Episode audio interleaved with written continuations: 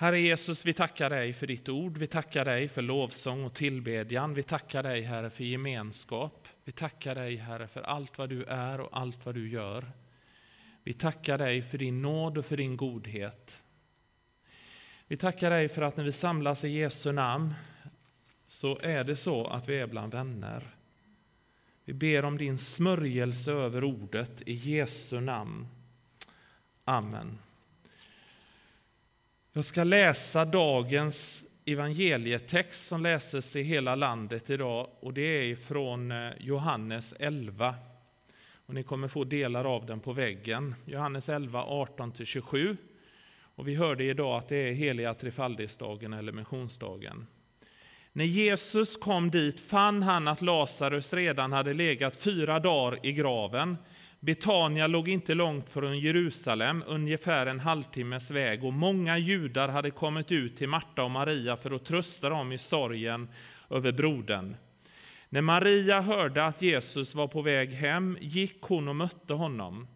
Men när Marta, men Maria satt kvar hemma. Marta sa till Jesus, Herre, om du hade varit här hade min bror inte dött. Men jag vet ändå att Gud ska ge dig vad du än ber honom om. Jesus sa, din bror kommer att uppstå. Marta svarade, jag vet att han ska uppstå vid uppståndelsen på den sista dagen. Då sa Jesus till henne, jag är uppståndelsen och livet. Den som tror på mig ska leva om han än dör, och den som lever och tror på mig ska aldrig någonsin dö. Tror du detta? Hon svarade, ja, Herre. Jag tror att du är Messias, Guds son, han som skulle komma hit till världen.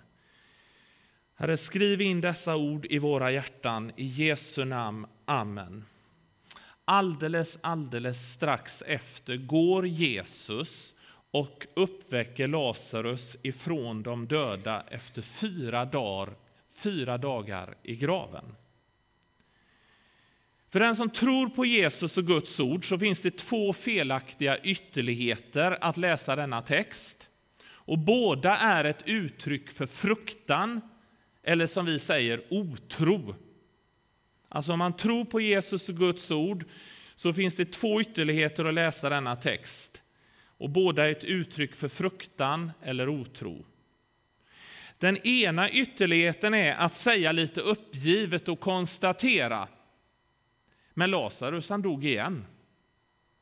Ja, inte precis efter han var uppväckt alltså, men han, han skulle komma att dö igen. För sådan är den här världen beskaffad. Det andra är att säga, så här är, det andra ytterligheten, det är att säga, så här är livet med Jesus. Tjo! Så här ska det fungera hela livet, hela tiden. Från uppståndelsekraft till uppståndelsekraft. Och så hittar man ibland ett sätt att förklara sig bort ifrån livets möder. Och man lever egentligen inte fullt ut livet med alla dess komplikationer och ansvar. Det ena är ett uppgivet konstatera så här är världen beskaffad, Lazarus stod igen. Det andra är att så här ska det vara hela tiden. Och så drar man sig undan vissa saker som gör ont, man stänger av. Jesus, Guds sons undervisning, säger om livet med stort L att varje människa är kallad att lära känna Gud och leva livet fullt ut som människa. Eller som det står i Johannes 17.3. Detta är det eviga livet, att de känner dig, den enda sanne guden och honom som du har sänt, Jesus Kristus. Och jag lägger till, och det är lite farligt att göra till Bibeln. Men jag lägger till här och nu i den här världen. Här och nu i den här världen. Att lära känna Jesus och hans nåd och växa fullt ut som människa in i den här världen med ett uppdrag. Då är det både övernaturlig närvaro och svårigheter.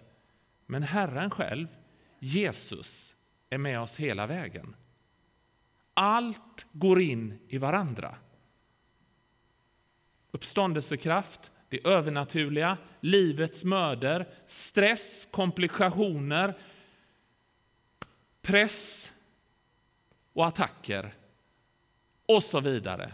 Men Jesus är med oss här och nu, hela vägen, fullt in. Fullt ut. Allt går in i varandra. Jag är i Andersbergskyrkan och igår var det Andersbergskyrkofestival. En gång om året är det så. Och då var vi med. Och det var tio timmar. Min fru sa att hon knappt kände igen mig efter de tio timmarna. Det var hårt arbete, det var hopp med häst, alltså trähäst och trähinder och lyfta barn och bjuda på eh, dricka och hålla reda på äpplen och allt var gratis och hindra de som inte skulle ha gratis om de inte hoppade de här grejerna och bära grejer. Jag hade ont i armen. Och så var det också attacker. Vi var där som en tydlig kyrka med alla världens flaggor. Alla världens flaggor. Och det sa vi till innan, och de var lika stora, lika små. En 60, 70, 80 stycken. Och, sa jag i förbifarten till generalen där, vi har med Israelflaggan också. Och sen var det en jättestor grupp bredvid oss med en gigantisk flagga. Den var, den var nog en och en halv meter åt alla håll och kanter. En Palestinaflagga. Och jag kände i anden att det här kan bli problem, men vi hade lika små flaggor. Och sen när jag kom tillbaka så eh, hade de, vi gick fram och tillbaka, fram och tillbaka, för vi hade tjo och kim i Andersbergskyrkan också. Och de tycker jättebra om oss. Det ska vara svårt att tycka, om, tycka illa om oss. Men när jag kom tillbaka så var Israelflaggan nedriven. Och då, där jag kommer ifrån i Västsverige, så säger man att då gick topplocket på mig. Men det gällde att ta det lugnt också, så jag sa skicka tillbaka och dra ut nya flaggor och ta med en reserv. för Vi behövde fylla upp med alla flaggor igen, för det fattades några. Och så fyllde vi på och så hade vi en reserv, en Israelflagga. Och sen satte vi upp den igen. Och sen var det folk framme och ville riva ner den igen och då sa jag mycket allvarligt eh, med en mycket mörk ton att det där gör inte du. Eh, och då sprang de bort till Palestinagruppen och så började de peka och grejer. På ett, vi hade 80 flaggor, de hade en. Men vi höll ut, vi hade bett innan, vi välsignade och det hände ingenting. Men det här är ju krafter som rör på sig och vi kan ju inte hålla på och backa, backa hela tiden. Sen var det att bära igen och sen var det att hoppa över hinder igen och sen var det att dela ut och sen fick jag bära igen och sen så träffade jag en person som behövde ett profetiskt ord. Han hade en kallelse och han hade nyss blivit frälst och han var nedtyngd. Jag stod en lång stund och så kom Guds ande, det övernaturliga igen, och så började jag profetera så han blev helt väldigt uppmuntrad. Gud tar aldrig tillbaka sina gåvor och sin kallelse. Och precis när jag står där och håller på att dela det ordet, då kommer en person som folk är lite rädda för, som har tjänat av ett fängelsestraff som ingen egentligen vill, vill vara dömd för och som gör att folk är rädda. Och han har aldrig gjort upp det här riktigt och han brukar alltid vråla prästen när han ser mig. Precis i detta profeterandet. Ta bort honom, tänkte jag.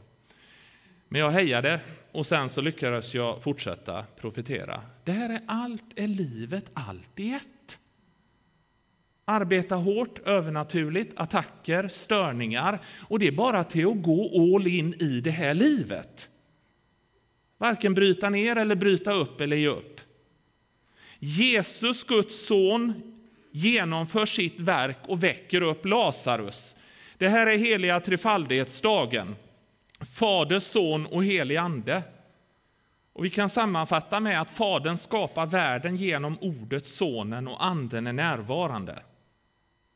Jesus dör för våra synder för att vi ska få förlåtelse. Han dömer synden i Jesus så att vi kan gå fria men också att vi ska få ta del av livet med stort L, den helige Ande. Och så kallas vi till ett uppdrag och är del av en utsändande rörelse. Och judendomen har en vacker och så långt de läser Bibeln en tydlig bild av Gud som är väldigt behaglig. Men som är en Gud som är distanserad. Islam har en hård och distanserande Gud. Den kristna tron har en tydlig bild av en närvarande Gud som är högst personlig och närvarande i den helige Andes kraft. Fader, Son och helig Ande här och nu, så tillvida att vi känner Gud, lyder Gud och leds av Anden med ett uppdrag för oss. Att lära känna Jesus och hans nåd och växa fullt ut som människa in i den här världen med ett uppdrag. Då är det både övernaturlig närvaro och svårigheter, men Herren är med oss hela vägen.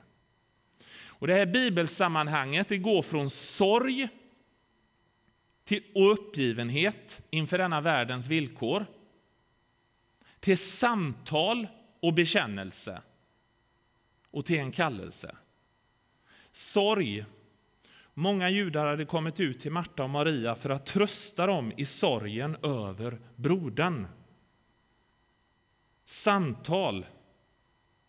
Jesus sa, din bror kommer att uppstå. Och Marta svarade, jag vet att han ska uppstå vid uppståndelsen på den sista dagen. Då sa Jesus till henne, jag är uppståndelsen och livet. Den som tror på mig ska leva om han än dör, och den som lever och tror på mig ska aldrig någonsin dö. Tror du detta? Hon svarade, ja, Herre. Jag tror att du är Messias, Guds son, han som skulle komma hit till världen. En liten passus här. Det finns de som menar på att hon hade den rätta bekännelsen, men när Maria, som vi känner till, hon som alltid satt vid Jesu fötter och var en bedjare och som hade valt det rätta, när hon kommer ut så börjar Jesus att gråta. Det är rätt intressant. Vem är det som berör vad? Sorg är inte svårt att bena ut. Samtalet mellan Marta och Jesus är inte jättesvårt att bena ut. Men vad är kallelsen? Ja, jag vågar inte säga hur lång tid det har tagit för mig att se det här egentligen. Men så här hänger min hjärna ihop. Då sa Jesus till henne, jag är uppståndelsen och livet, den som tror på mig. Och jag har ju läst den jättemånga gånger på begravningar. Jag är uppståndelsen och livet, den som tror på mig ska leva om man än dör. Och så går jag och tänker så här, kan man säga så? Så läser jag det en då varje gång, för man, man dör ju. Den som tror på mig ska leva om man än dör. Och den som lever och tror på mig ska aldrig någonsin dö. Och så känner jag, men, men ja, och så läser jag det igen. Så föll det över mig. Så föll det över mig. Det är här kallelsen är. Leva om han än dör. Dö ifrån vad då? Egot. Det är ju det Jesus säger. Ta ditt kors, förneka dig själv och följ Herren. Då kan man leva fullt ut i denna världen. Om man lägger ner sitt ego. Och där är kallelsen. Där är ju kallelsen. Den som tror på mig ska leva om han än dör, och den som lever och tror på mig ska aldrig någonsin dö. Det är väl då när man helt har dött bort ifrån egot. Men att vi är kallade att leva här och nu. Och Det finns stöd för det här i Johannes som säger att djävulen har kommit för att stjäla, slakta och få göra, men Gud har kommit för att ge liv och liv i överflöd. Så är det. Får jag en flicka till eller en unge så ska hon heta Soe. Men det är inte så stor chans ännu. Alltså barnbarn finns ju chans alltså. Men livet med stort L, där är kallelsen. Här och nu i denna världen. Och för att vi ska få fatt i det, eller låta Gud få fatt i oss här och nu, så måste vi ge upp vårt ego. Dö ifrån oss själva, men då lever vi mer än någonsin Jesu liv genom oss, livet med stort L. Vad vi än är, vad vi än har för uppgift. Och Det här sker varje dag och då handlar det inte om att vara i kyrkan eller utanför kyrkan. Jorden är Herrens och allt vad som är därpå utan att följa Herren och livet i dess olika skiftningar. Tonåring, ung vuxen, medelålder, andra halvan av livet. Vi har en uppgift. John Wesley uttryckte det ganska enkelt. Behåll ansvaret det Herren ger dig, men ge upp rättigheterna. Behåll det ansvar och den vision och den kallelse och den uppgift Herren har gett dig. Men ge upp rättigheterna till att vara i centrum, att upphöja dig själv, att få applåder, att folk ständigt ropar likes. Och bara ge upp de rättigheterna och bara följ Herren. Att lära känna Jesus och hans nåd och växa fullt ut som människa in i den här världen med ett uppdrag. Då är det både övernaturlig närvaro och svårigheter, men Jesus är med oss hela vägen. Vi behåller ansvaret men ger upp rättigheterna. Vi dör ifrån oss själva, men vi lever om vi än dör. Och den här kallelsen är i den här världen. Du gör mer nytta än vad du tror när du går med Gud. På den arbetsplats, på den grannskap, på den, eh, bland de vänner. Du sätter avtryck. Men det som är stort i människors ögon är inte alltid så stort i Guds ögon. Och det som är stort i Guds ögon är inte alltid stort i människors ögon.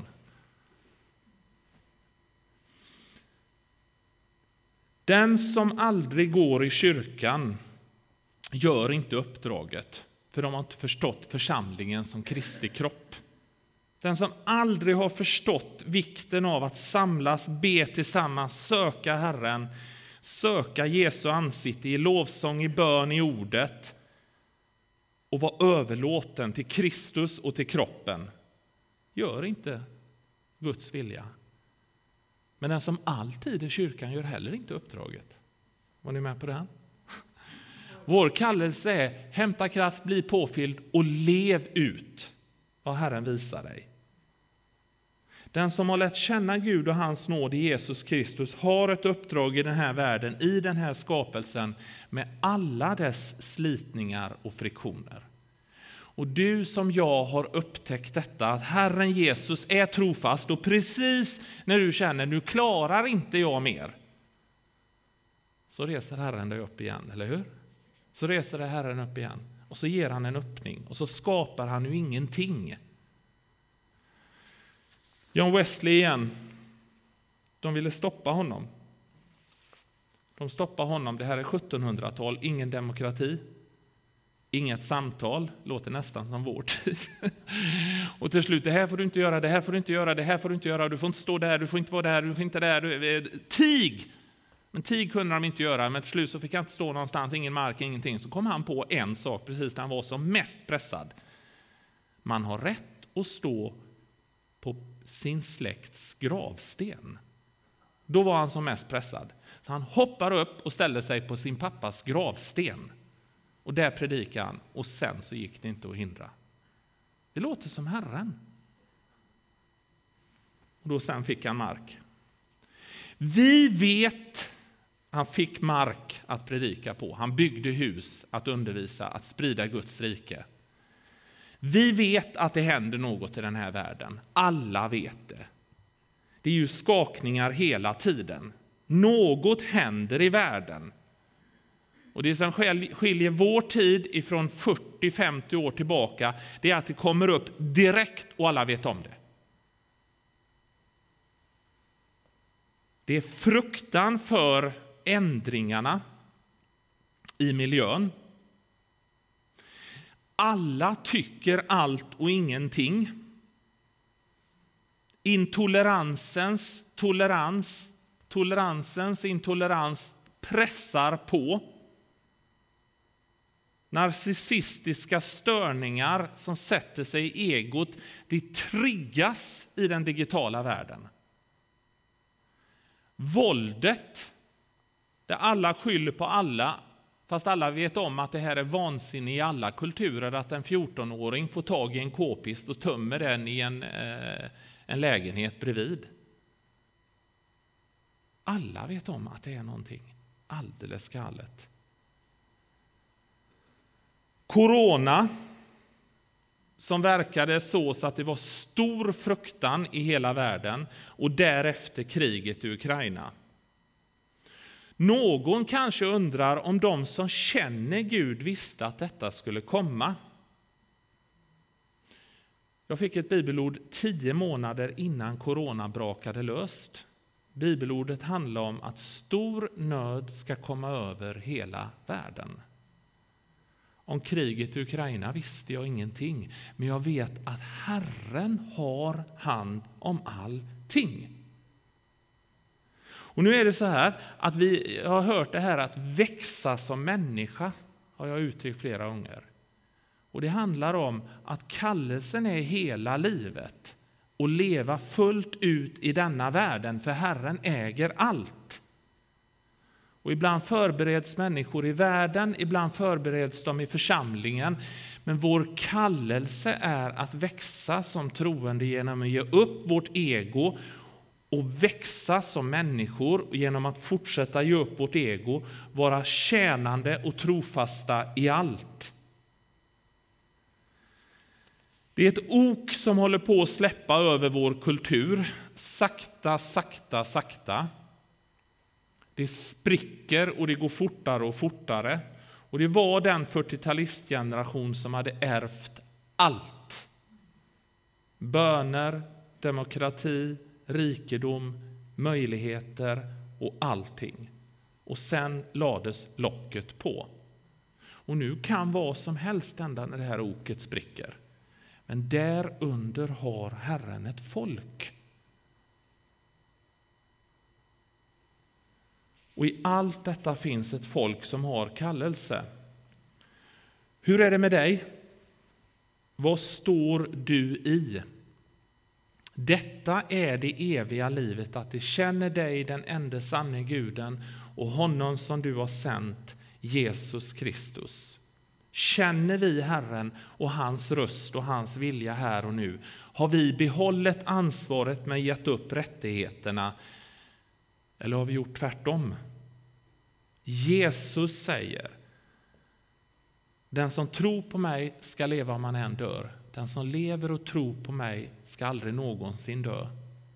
Gud tar inte tillbaka sina gåvor och sin kallelse. Gud tar inte tillbaka sina gåvor och sin kallelse. Den är där hela tiden. Att lära känna Jesus och hans nåd och växa fullt ut som människor in i denna världen med ett uppdrag. Då är det både övernaturlig närvaro och svårigheter och slitningar och friktioner. Men Herren Jesus är fullt ut med oss hela vägen. Vi ber tillsammans. Herre Jesus, jag ber för dem som är missmodiga. Jag ber, Herre, om trons ande. Jag ber för dem som känner sig förvirrade. Jag ber om klarhet. Jag ber, Herre, för dem som behöver få ett ord ifrån dig. Jag ber att det sjunker rakt in i dig, i dem. Vi ber i Jesu namn om att få koppla upp med det du gör. Hjälp oss att känna dig, den enda sanne guden och honom som du har sänt, Jesus Kristus, här och nu, Herre. Och göra det du kallar oss att göra. Fader, det ber vi dig om i Jesu namn. Amen.